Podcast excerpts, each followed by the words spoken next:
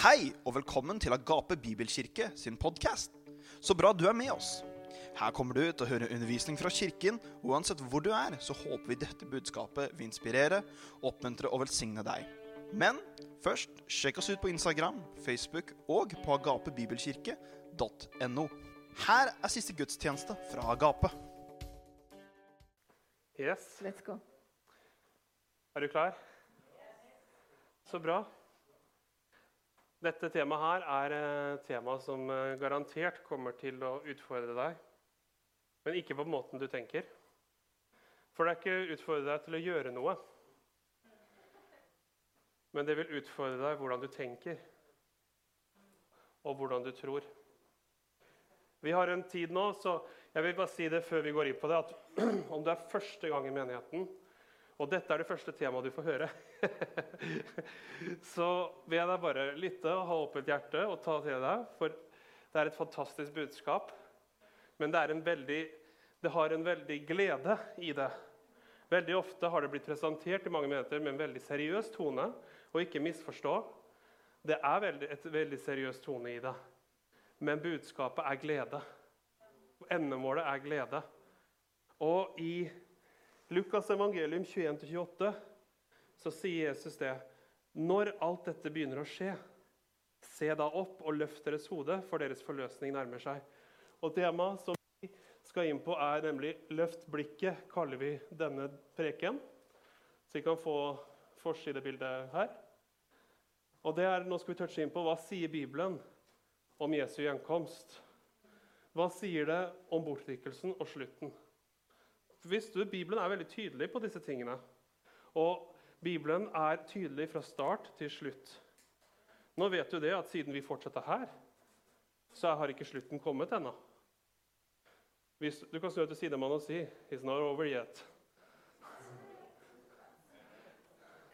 Og Derfor er dette et veldig viktig tema. Og jeg, jeg kunne, hvis, hør nå, hvis jeg skulle tatt alt som Bibelen sier om det her, dette bruker du normalt å dekke på en bibelskole over flere uker.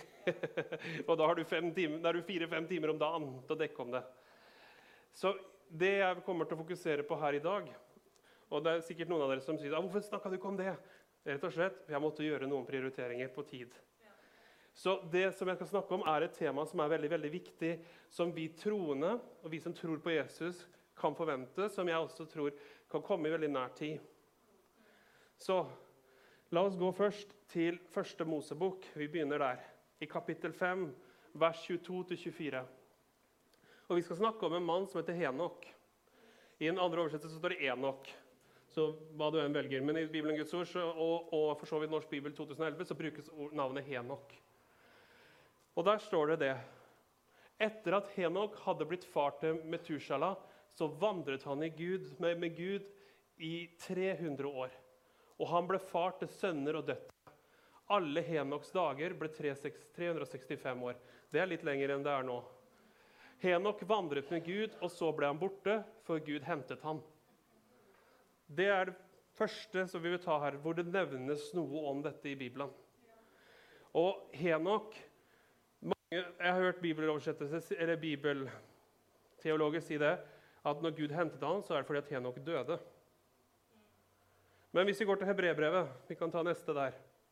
Hebrebrevet kapittel 11, vers 5. Så står det ved tro ble Henok tatt bort, så han ikke skulle se døden. Og han ble ikke funnet, for Gud hadde tatt ham bort. For før han ble tatt bort, hadde han fått det vitnesbyrdet at han var til behag for Gud. Og Her er det noen nøkler. Så Henok blir ikke nevnt veldig mye i Første Mosebok. Han blir bare ramsa opp under når det forteller om slektstavlene etter Adam. Og Så kommer vi til Henok, og Henok han vandret med Gud, og så plutselig var Henok borte. Han ble far til Metushala, som var den eldste personen i Bibelen. Men det er det vi vet om Henok, og at han ble tatt bort. Så jeg syns alltid det er veldig interessant å gå litt inn i ting. Fordi at Gamletestamentet peker alltid fram til det nye. Veldig mye av når apostlene forkynte, de hadde jo ikke Det nye testamentet.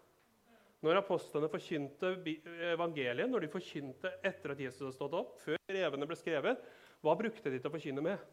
Det gamle testamentet. Og En av de tingene som ble åpenbart for menigheten, altså det som menigheten fikk del i, som Jesus snakket veldig mye om, det var nettopp det som skulle skje i de siste tider. Det kommer en sluttdato på alt det her. Det jeg vil si til deg med det, er at Guds hensikt for deg og meg var ikke at du og jeg skulle leve på denne planeten i all evighet med urettferdighet, med synd, med død, med sykdom, med plager rundt oss. Det var ikke Guds originaltanke. Gud skapte ikke denne verden til å være urettferdig. Var du klar over det? Gud skapte ikke denne verden til å ha synd. Og Dette er veldig, veldig viktig å forstå, for Guds hjerte er at vi skal ha liv. At vi skal ha det godt, og at vi skal ha fellesskap med Han. Er du med meg på det? Det kommer til å tenke så det knaker her i dag. og Det går helt fint. Bare la hjula spinne. Men Henok Jeg har lyst til å ta det her nå med en gang. Men Henok, det står at han blir tatt bort. Hvordan det snakkes om, er da at han blir akkurat som han blir løftet opp. På hebraisk så får det ordet 'tatt', som er 'laka'. Det betyr 'tatt'. Det ordet i Gamle Testamentet brukes på følgende måte. Laka ble brukt når man tar noe, selvfølgelig. Man henter noe, plukker det. Men det er også tatt når du kjøper noe. Eller når du gifter deg. Er ikke det interessant?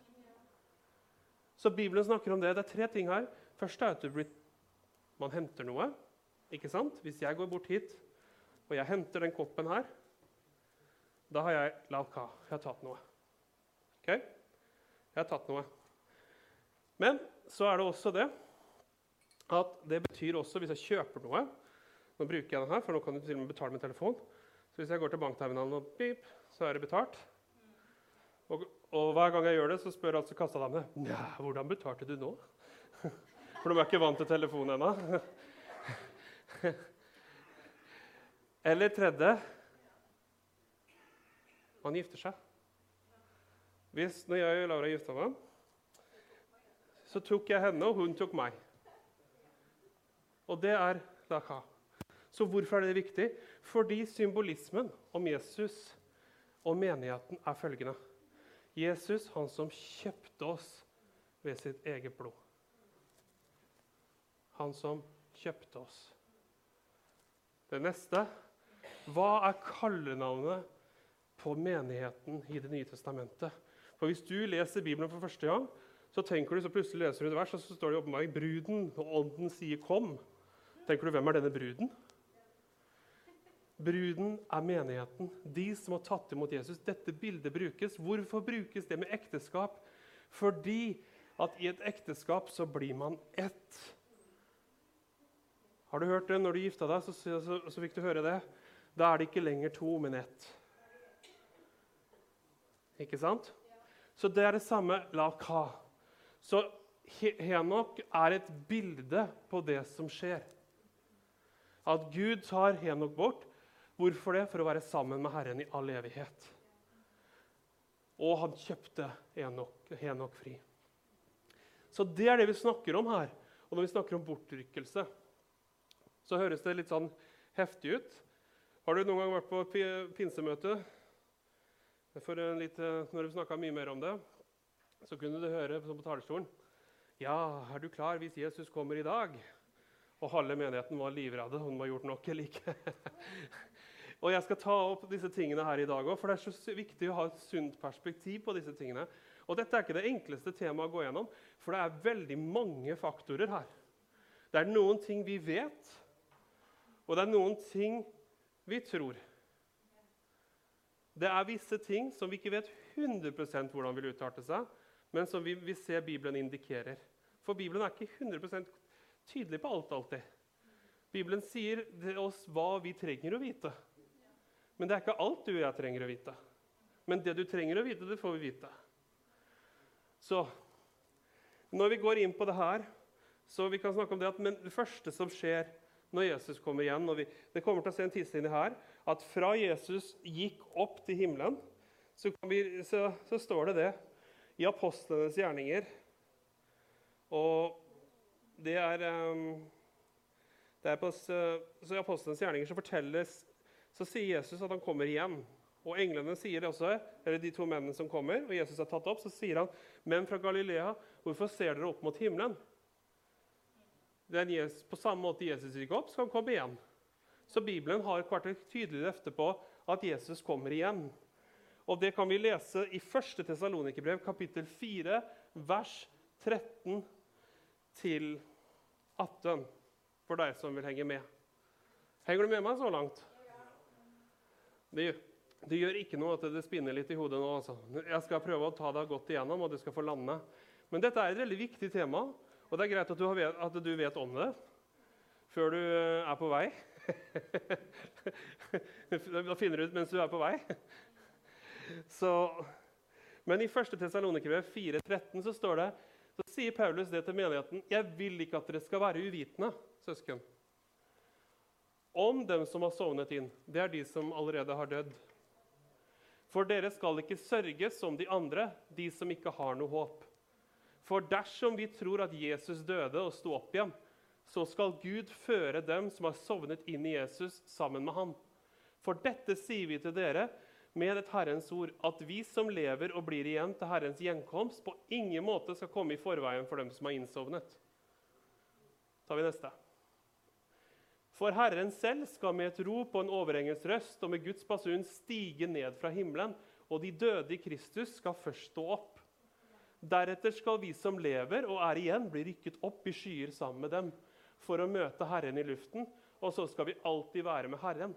Derfor så skal dere skremme hverandre med disse ord. Nei, hva står det? Trøste.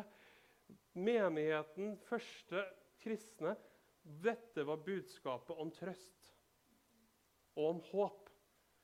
Nå må du forstå situasjonen også menigheten hadde i den tida.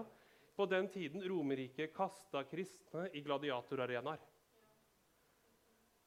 Jødene forfulgte kristne overalt. Romerne gjorde det samme. De var hata, de var plaga, de var slått, de var forfulgt overalt. Så når de satt i gladiatorarenaen, så vet du hva dømmes håp var? var ikke å nå, kanskje Gud frir oss ut av denne situasjonen. Nei, det de gleda seg til, at om vi dør nå, eller om vi er igjen til Herren kommer, så kommer Han. Deres glede, deres håp, var at Jesus skulle komme. Ikke at de skulle berge sitt eget liv. Og Dette er veldig veldig viktig å være klar over. Vår største skatt er ikke at vi lever et langt og godt liv. Ved Guds nåde vi håper og tror at alt blir som det. Vi kan tro Gud for det. Men det er noe som er enda viktigere enn det, og det er den evigheten vi har foran oss. Som vi skal være med Han. Og det var gleden og håpet til menigheten som de trøsta hverandre med. Og Vi kan ta et vers til her. Nå toucher vi inn på litt bibelvers som kan være litt tunge å fordøye her. Fordi at Hvis du ikke har bibelske konteksten, så kan det bli vanskelig. Men vi kan gå til første Korinterbrev, kapittel 15, og vers 20-28. Jeg kommer til å kjøre litt på, for jeg har, jeg har prøvd å slanke denne prekena, men det er ikke lett. Ok.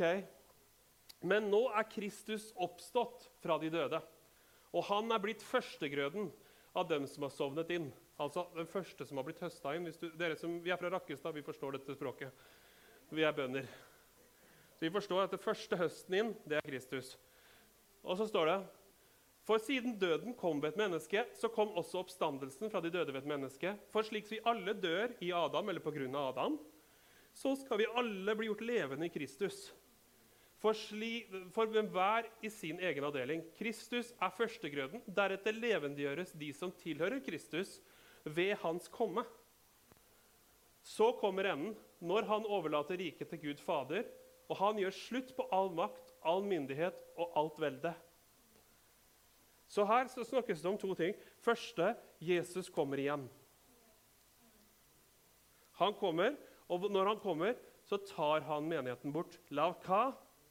Han plukker opp noe, det han har kjøpt, det han kaller sin brud, tar den opp, for å være med han.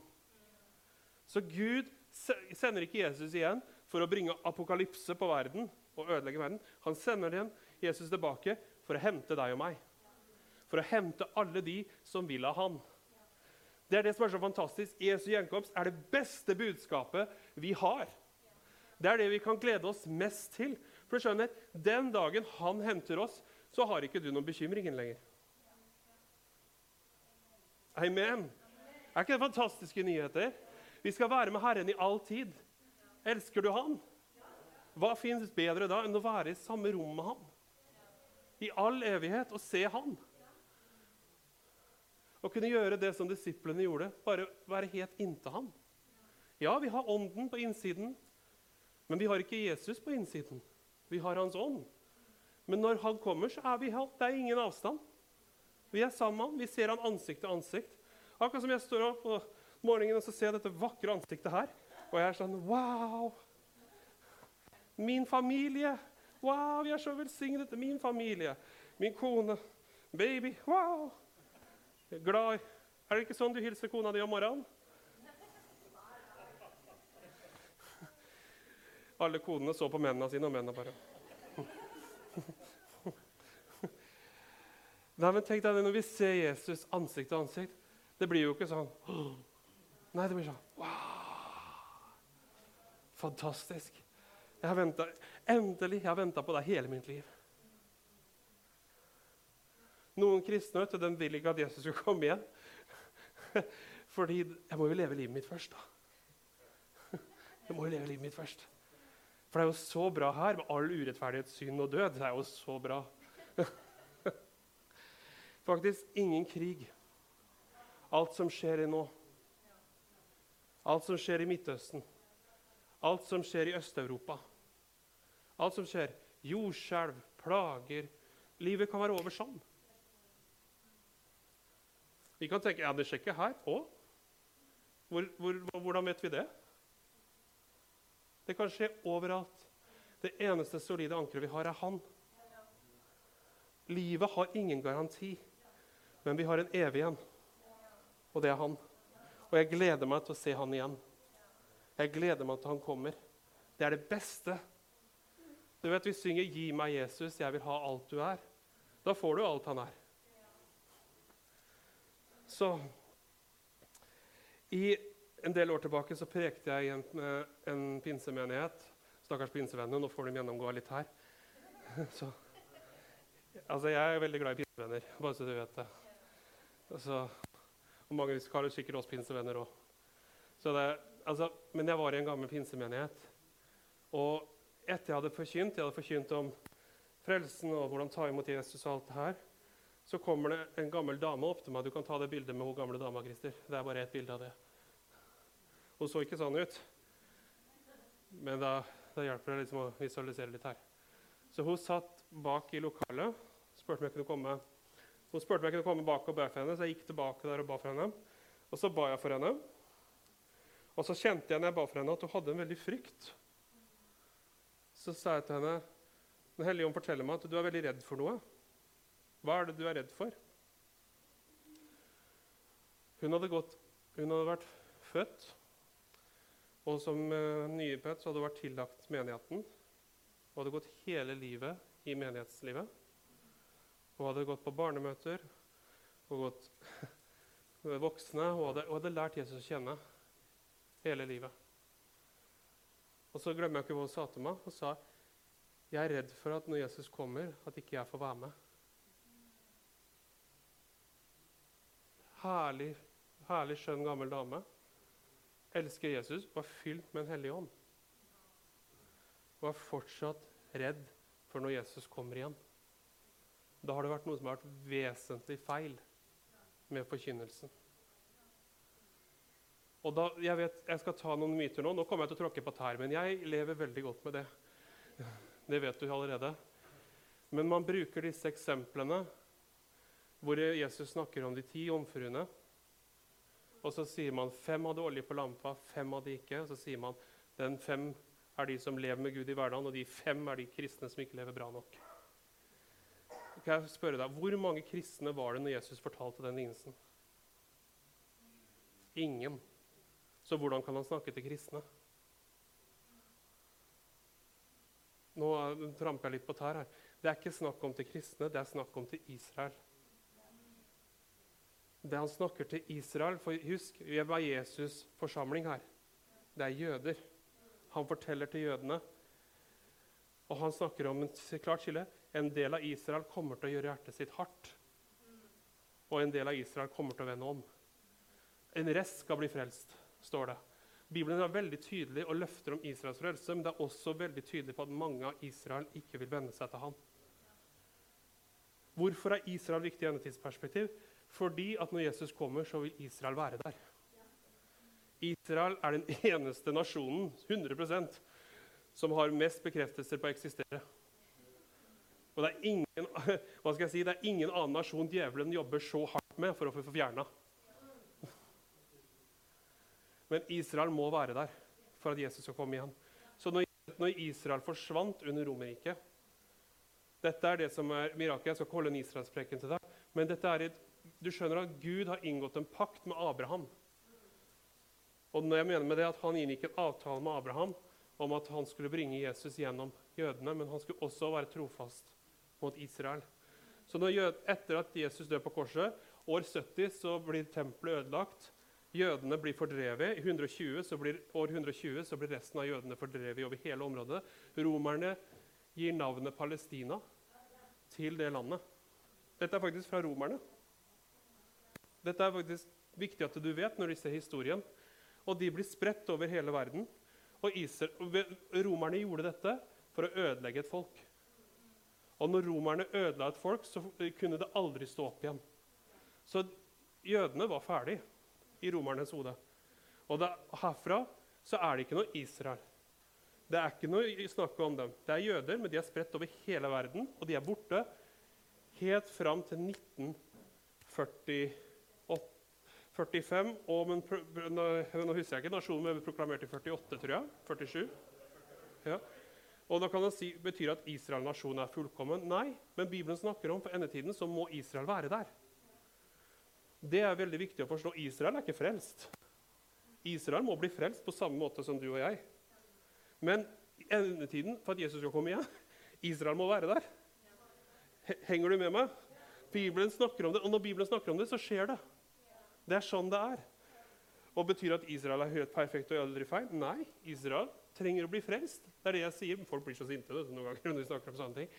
Men Israel må være der fordi Bibelen snakker om det. Og derfor, Men denne dama her da, hun var jo livredd. For at, og så kom alt det her med endetidsforkjønnelse. Og Israel tilbake. Nå kommer Jesus nå som helst. Og hun bare Nå blir ikke jeg med. Og vet du hva hun trengte å høre? Hun trengte et spørsmål. Var det Jesus gjorde for deg nok? Ja. Tror du på det? Ja. Da blir du med. Har du tatt imot Jesus i ditt liv? da blir du med. For du skjønner, det er ikke vanskelig å komme til han. Han støter aldri noen ut. Og det er ikke sånn at Gud frelser deg, fyller deg med sin ånd, og så kommer han. Nei, forresten, du får bli igjen. Han gjør ikke sånn. Hvorfor vet vi det? Fordi vi er hans. Han har kjøpt oss. Larka. Han har kjøpt oss. Så så når kommer bortrykkelsen, da? Ok, Skal vi gjette? Skal vi se hvem som kommer nærmest? Nei, Jesus sier det. Ingen kjenner dagen eller timen. Vi vet ikke. Faktisk, Vi kan ta et bilde her. Hvis du kan få de tre linjene, Christer. Hvis du leser Bibelen, så er det tre linjer som Bibelen snakker om. Og det er litt greit for deg å vite. Tre folkeslag. Nummer én, det er Israel. Og på bånn der så har du Eh, verdens nasjoner, kalt hedningfolkene. Hedningfolkene det er alle andre nasjoner. Hvorfor er Israel skilt ut? Fordi Gud gikk en pakt med dem i Gamle Testamentet. Derfor er Israel skilt ut. Så Israel har én linje, verden har én linje, og midt i det, bestående av både fra verden og fra Israel, så kommer den tredje linja, som er menigheten. Bibelen kaller det en hemmelighet som har blitt åpenbart. Hva betyr en hemmelighet som har blitt synlig? Så det snakker Bibelen om. Henger du med meg her? Jeg, kjører jeg for fort? Så Bibelen snakker om disse linjene. Så menigheten er det med korset her. Hvorfor valgte jeg rød på den? Fordi vi er vaska i Jesu blod. Så menigheten består av Israel, av hedninger, av alle verdensfolk. Det er derfor Paulus sier det. I Kristus så er det verken mann eller kvinne. Det er heller ikke jøder eller hedninger. Det er bare én i Kristus Jesus. Med andre ord, det er fortid. Uansett hva du, hva du er, om du er jøde eller hedning, spiller ingen rolle. Du er i Kristus Jesus. Og det er et nytt menneske av de to. Nå begynner vi å forstå litt hva Paulus snakker om. her, for Noen ganger snakker om å bli født på ny. og, og slike ting. Hva er det vi blir født til? Vi, blir, vi dør bort fra vår gamle linje, og vi blir født inn i vår nye. Samme med Israel. Så det gamle I Kristus Jesus så er det ingen forskjell. Uansett hvilken bakgrunn vi har, uansett hvilken rase, uansett hvilken språk, kultur spiller ingen rolle. Uansett hvem vi er i Jesus Kristus, så er vi en ny skapning. Og derfor, Vi kan ta neste. Så når kommer Jesus? Og nå skal jeg forklare. Dette er en sånn feste lite det vi har jobba med. Men kommer han før? Og hva er det jeg mener med før? Jo, for det, Bibelen sier det at den siste tida så skal det komme Jeg kan ta deg på mange skriftsteder gjennom det her, men da blir vi her i dag. Det skal komme en trengselstid.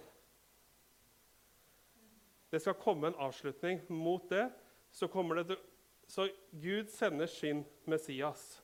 Det er Jesus. Ok, Si Jesus. Ok, Det var to personer. Si Jesus. Veldig bra. Og Gud sender sin. Djevelen kommer til å prøve å kopiere det. Og han kommer til å sende sin Messias. Og han kaller vi for anti-Messias. Messias eller Antikrist.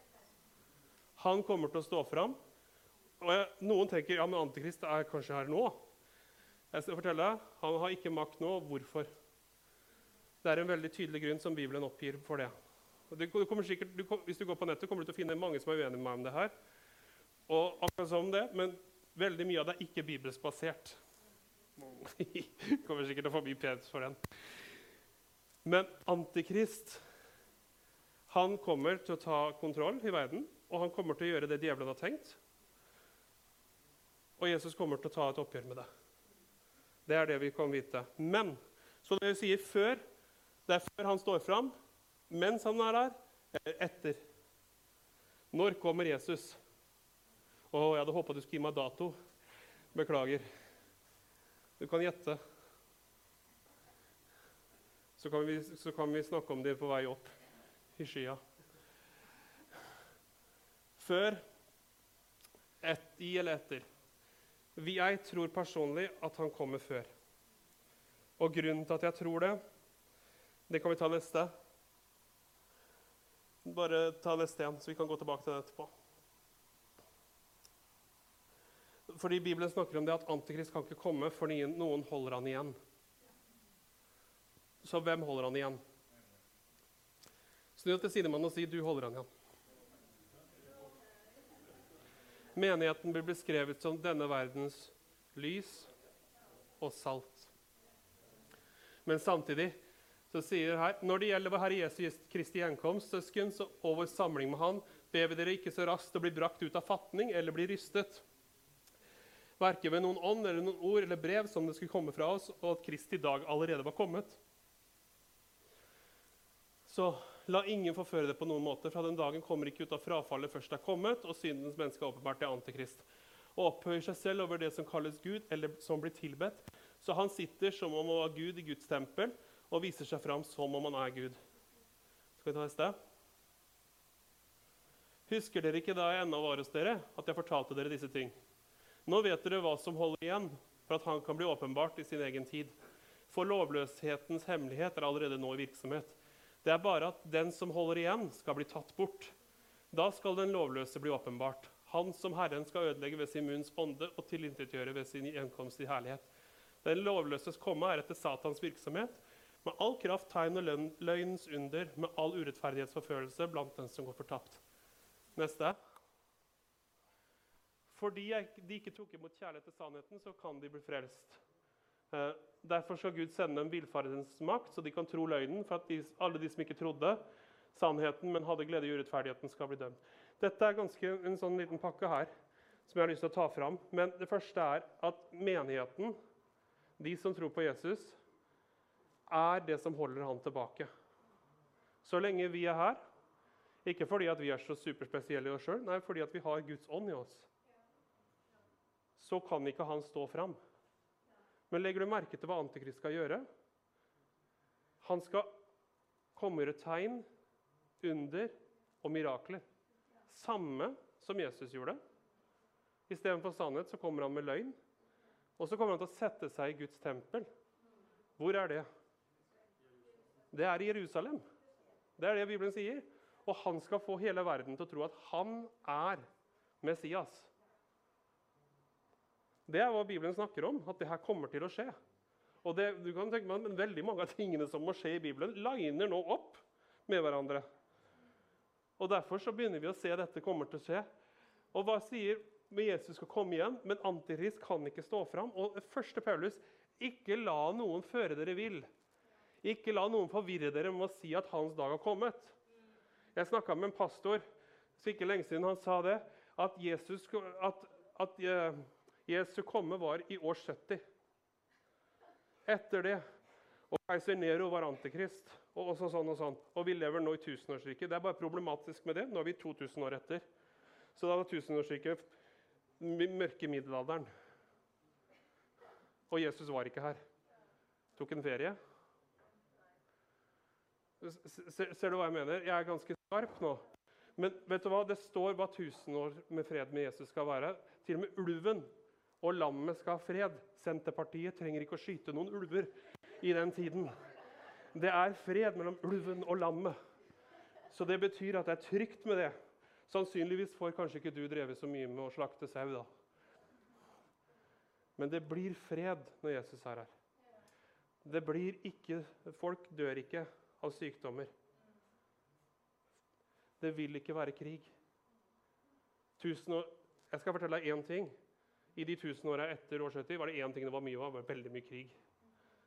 Det var krig hele tida. Det var ikke noe tusenårsrike da. Så Derfor så kan vi si at det har ikke vært. Menigheten er fortsatt her. Derfor vet vi at han ikke har kommet. Så hvorfor kom han ikke før?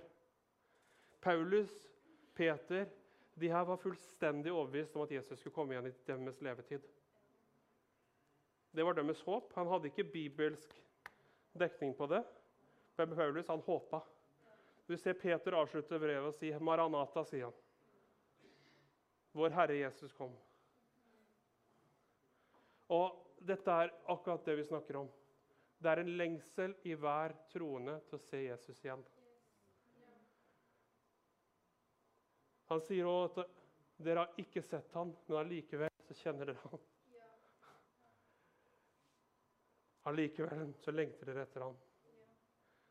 Forstår du? Bruden det er, det er oss. Alle menn sa 'Jeg er Jesu Kristi brud'. Come on, guys.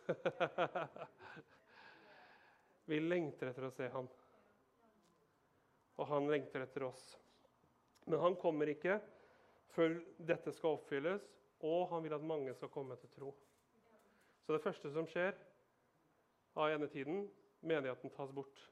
Når menigheten tas bort, så kommer Antikrist. Og da kommer han til å gjøre sin ting. Det neste jeg vil bare lyst til å snakke om her, er at Jesus sier selv at han vil spare menigheten fra det som kommer over verden. Og Det kan du lese i Johannes' åpenbaring 3.10-11. Fordi du har tatt vare på mitt ord om utholdenhet, så vil jeg også holde deg borte fra prøvelsens time som skal komme over hele verden. For å prøve dem som bor på jorden. Se, jeg kommer snart. Det ordet 'snart' på gresk betyr fort, raskt, brått, uventa. Poff, så er han der. Som lynet blinker fra øst til vest, slik skal det være på menneskesønnens komme. Pung, så kommer han. Så du kan ikke, du kan ikke se på værmeldinga at Jesus kommer, at det er mye skyer den dagen, og så kommer Jesus. Er det overskya, da kan det Nei. Jeg kommer snart. Hold fast på det du har, så ingen skal ta kronen din. Hva mener med krone? Det som Gud har gitt deg i ditt liv. Ikke la noen ta det fra deg. Ikke ta vitnesbyrder. Neste. Det kommer til å skje at Jesus selv forteller om bortrykkelsen. La ikke deres hjerte bli grepet av frykt. Igjen, dette med bortrykkelsen. Ikke bli redd for dette. Dette er gode nyheter. Tro på Gud, tro på meg. I min fars hus er det mange rom. Hvis ikke ville jeg sagt, ville jeg ha sagt til dere. Jeg går for å gjøre stand et, stand, stand et sted for dere. Og når jeg har gått bort og gjort et stand et sted for dere, så skal jeg komme igjen og ta. Ser du det? Samme. Ta dere til meg. For der jeg er, skal også dere være. Du skal være med. Neste. Det kommer til å skje over hele verden. Matteus 24, 31. Han skal sende sine engler ut med mektige basunere, så de skal samle hans utvalgte fra de fire vindretninger, fra den ene ende av himmelen til den andre. Det neste. Jeg bare kjører på, hvis ikke så kommer vi til å bli her til han kommer. I bortrykkelsen blir våre kropper gjort perfekte. Og da har noen som har spurt meg hva med dem som har trebein? Eller har eh, metall operert inn i kroppen? Jeg regner med at eh, den faller av og blir igjen. Du får et nytt bein eller eh, noe nytt. Så Se, jeg skal fortelle dere en hemmelighet. Vi skal alle ikke sovne inn, men vi skal alle bli forvandlet i et nu. Det betyr et øyeblikk. Det er et øyeblikk, på et øyeblikk. Ved den siste basun. For basunen skal lyde. Er det noen som vet hva en basun er? Ja, vi kan si det sånn. Det er en type tropet. Og, og de døde skal oppstå uforgjengelig, og vi skal bli forvandlet. Uforgjengelig betyr perfekt. For det forgjengelige, altså det som ikke er perfekt, må bli ikledd det perfekte. Og dette dødelige må bli ikledd udødelighet. Så hva betyr det? Vår kropp her Kanskje når du ser deg i speilet, så tenker du 'oi da'. Eller rynker, eller Kanskje det er noe du ikke er fornøyd med. Hvis du er fornøyd med alt, så Gud velsigne deg. Du har bra selvbilde. Veldig bra. Men hvis det er visse ting du kan gjøre en liten justering på Kanskje du har en diagnose. Kanskje du har en plage. F.eks. jeg hadde en medfødt brokk. Og det, brokk er ikke en kamerat. Brokk er en, eh, når muskler ikke er sammen. Når de er blitt revet fra hverandre. Så når Jesus kommer igjen, så blir ikke brokket med. Da blir musklene i et øyeblikk. Og andre ting, f.eks. Og alt det, som, alt det i våre liv som har blitt gått ned, vært en konsekvens av synd eller sykdom, plager eller, eller ting som har skjedd med oss, ulykker Alt det i et øyeblikk. Og så blir du sånn som Gud skapte deg til å være. 100% i kroppen. Da kan du løpe mange runder rundt dette bygget her. Neste er 1. Tessalonikerbrev 1.10. Fortrykkelsen tar oss bort før vreden kommer over verden. Og til å vente på Hans sønn fra himlene, han som Gud reiste opp fra de døde, Jesus, han som utfrir oss fra den kommende vreden, med antikrist og alt det her. Det neste er veldig viktig, og dette er bildet som brukes veldig ofte når vi snakker om endetiden, og det er Noas dager. Har du, mange av dere har lest om Noah noen gang? Mange av dere har hørt om ham på søndagsskolen. At han bygde en sånn fin liten trebåt, og så var det to løver og en kaniner og en sjiraff som satt sammen oppå der. Og en elefant på ene sida av båten, så ikke båten skulle hvelve. Har, har, du sett det noen gang på søndagsskolen? Det er veldig koselig. Men, men, Noas dager, hva mener du med det? For det høres jo litt sånn, sånn som i Noas dager skal det være. Vel, Bibelen snakker om det. At de, de spiste og de drakk. Det er ikke noe galt å spise og drikke mat. Men de tok det ekte, og det ble gitt ekte, helt til dagen da Noah gikk inn i arken, og vannflommen kom og ødela dem alle. På samme måte var det i Lots dager. De spiste, de drakk, og de kjøpte, og de solgte, de plantet og bygde. På den dagen da Lot gikk ut av Sodoma, regnet det ild og svovel fra himmelen og ødela dem alle. Slik skal det også være dagen menneskesønnen blir åpenbart. Det er ganske heftig språk her. Så hva er det han snakker om? Noah bygde arken. Og mange sier at det tok 80 år å bygge arken. Henger du med meg? Det er et langt prosjekt. Det er lenger enn å bygge kafé i Sarpsborg. 80 år. Tenk deg det. Per Kristian, hadde du vært opp for det? Bygge noe i 80 år. Det er, det er verre enn husa i Rakstad. Så, men tenk deg denne båten her blir bygd over lang tid.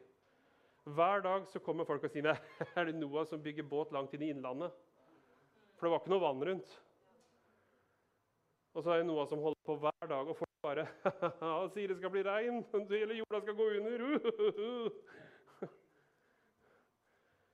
Og mens i denne tida så sier Noah av hans familie, 'Kom. Velkommen. Kom, dere kan være med i båten.' 'Hva skal vi med båt? Det blir jo ikke vann her.' Han er kanskje en av dem vi burde sendt på institusjon. Det tenkte de kanskje. Og så plutselig så kommer vannet. Men før vannet bryter ut, så står det at Noah, hans familie og dyrene gikk inn i arken, og Herren selv lukket døra. Og så var det over jorden da, Bibelen snakker om det, så var det himmelhvelvende vann. Og det bare falt ned, og dypet kom opp. Og verden var dekka. Det er et bilde på det som skal skje. Det kommer ikke en ny vannflom. Det er ikke det som skjer. Men arken er et bilde på Kristus. Og du og jeg, ved å tro på budskapet, så går vi inn i arken. Vi går inn i Kristus. Og derfor, når alt i denne verden går fullstendig off the rails, som man sier, så er vi trygge i ham. Hvem kan komme i arken? Alle. Alle som tror. Hver den som velger å tro. Vi kan ta neste. Bortrykkelsen kommer til å splitte menneskeheten. Og hva mener jeg med det? Jo, Den natten skal det være to i en seng. Den ene skal bli tatt med, den andre blir igjen. Den to skal male på kvernen sammen. Den ene skal bli tatt med, og den andre skal bli igjen. To skal være ute på marken, den ene skal bli tatt med, og den andre skal bli tilbake. Det er ganske heftig her. Og det er dette som også disse typer versene som har gjort folk redd. Men hvem er det som blir tatt? Det er de som gikk inn i arken. Lacha. Taken away. Så det er, det er, noen av disse versene som Bibelen snakker om bortrykkelsen. Hvorfor vil jeg ta så mange om det? Fordi ikke alle kristne tror på dette. Men Bibelen snakker veldig mye om det. Og da, Hvis vi skal avvise det, så må vi begynne å selekt, ta selektivt ut ting av Bibelen. Og hvis du gjør det, da er du på veldig tynn grunn. Jeg vet om kristne som ikke vil tro på dette fordi de vil ikke ta inn over seg realiteten av hvordan ting er. Og dette er, dette er det som skjer. Det er gode nyheter, mine venner. Og Jesus kommer til å føre inn 1000 år med fred. Og det kan, det kan, jeg touche inn på neste gang. For det er et eget punkt. Men jeg vil at du skal til her. Men hvis du tar det bildet i stad, Christer, med eh, Ja, den kan vi ta neste gang. Men ta, ta det med Jesus, eh, to Jesuser holdt jeg på å si, på den tidslinja. Der. Så bare for å ta en sånn rask summarium Jeg kommer ikke til alle bibelversene på dette nå, for da, da blir vi her langt inn i tusenårsriket. Ok? Har du hengt med meg så langt? Har det vært forståelig? Jeg prøver å gjøre det så forståelig jeg kan, for Bibelen snakker veldig mye om det. Men det er noen av ordbrukene sånn som vi, vi, skjønner alltid, fordi det er ikke i vårt språk alltid. Men Jesus kommer første gang. Her er menigheten tatt bort. Ok? Da er arken lokka, menigheten borte vekk. Hvem er igjen da? Israel og verden.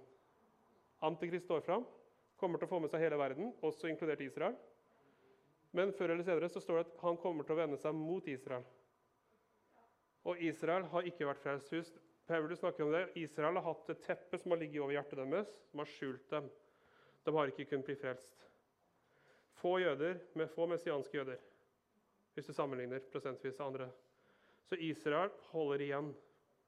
Israel kommer til å prøve å gå imot og så gå tilbake til det gamle paktsystemet. Og alt det her. Og det er krefter i Israel nå som prøver å få dette opp.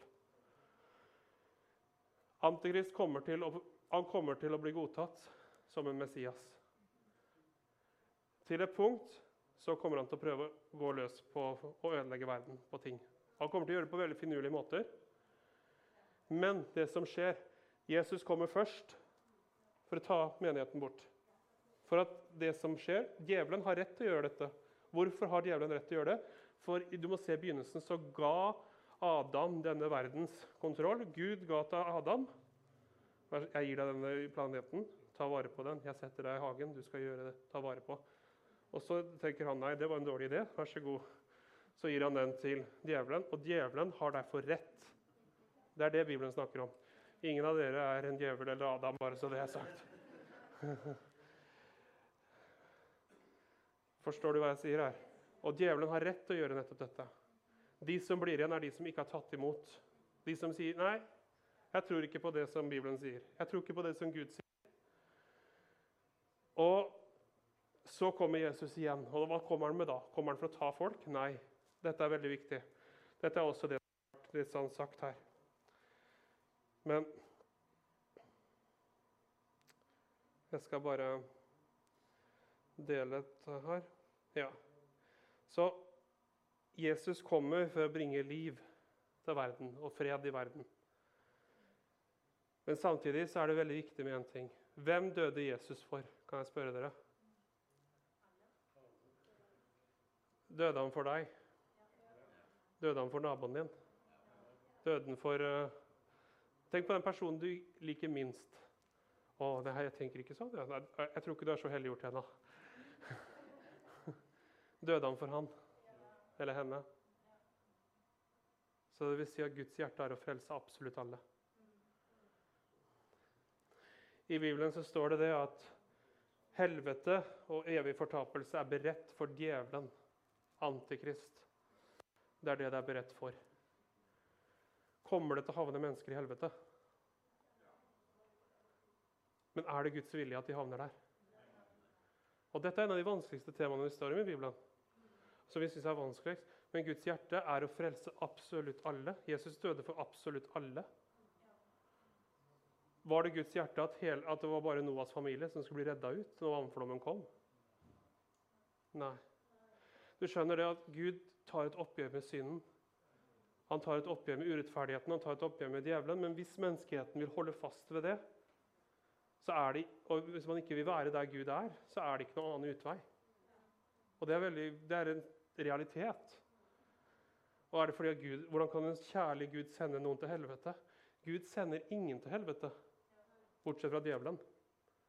Og djevelen han, han er opphavet til all ondskap. Derfor havner han der. Han, det fins ikke, ikke, noe godt i han. Men Gud sender ingen mennesker til helvete. Jeg har hørt, jeg har hørt stories hvor folk har, har, vært døden nær, og så har de opplevd at de har gått inn i en tunnel. Og på vei dit så bare begynte de å falle ned og ned og ned. Og ned. Og de skjønte at de var på vei til helvete. Og vet du hva De gjorde? De begynte å gråte og de begynte å si jeg har vært flink, og alt det, og det hjalp dem ikke. Plutselig så ropte de 'Herre Jesus, frels meg'. Så ble de bare dratt rett opp igjen. Det er én ting som tar oss inn. Det er hva Jesus har gjort for oss. Ikke at vi kommer til Gud og ser. Du kan ikke sende en så bra person som meg. vi, vi, når ikke opp til den standarden. Det er kun én. Herre, jeg fikser det ikke. Jeg trenger deg.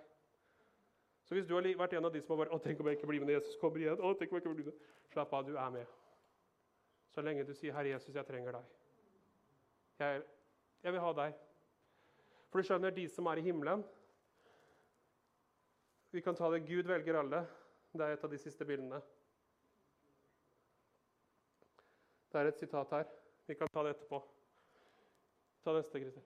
Gud velger alle, men de som kommer til himmelen, er de som velger Han. Og det er veldig viktig å være klar over. Veldig bra sagt av Robert Morris. Nå kan du ta the praising hands. Når jeg var barn Jeg har lyst til å ta det her. Når jeg var barn og tenåring, så var jeg redd for at Jesus skulle komme igjen. Og vet du hvorfor jeg var redd for det? For jeg hadde lyst til å leve livet først. Og Jeg møter mange kristne som tenker sånn. Men vet du hva det er for noe? Det er fordi vi ikke kjenner han onkel ennå. Og fordi vi ikke står.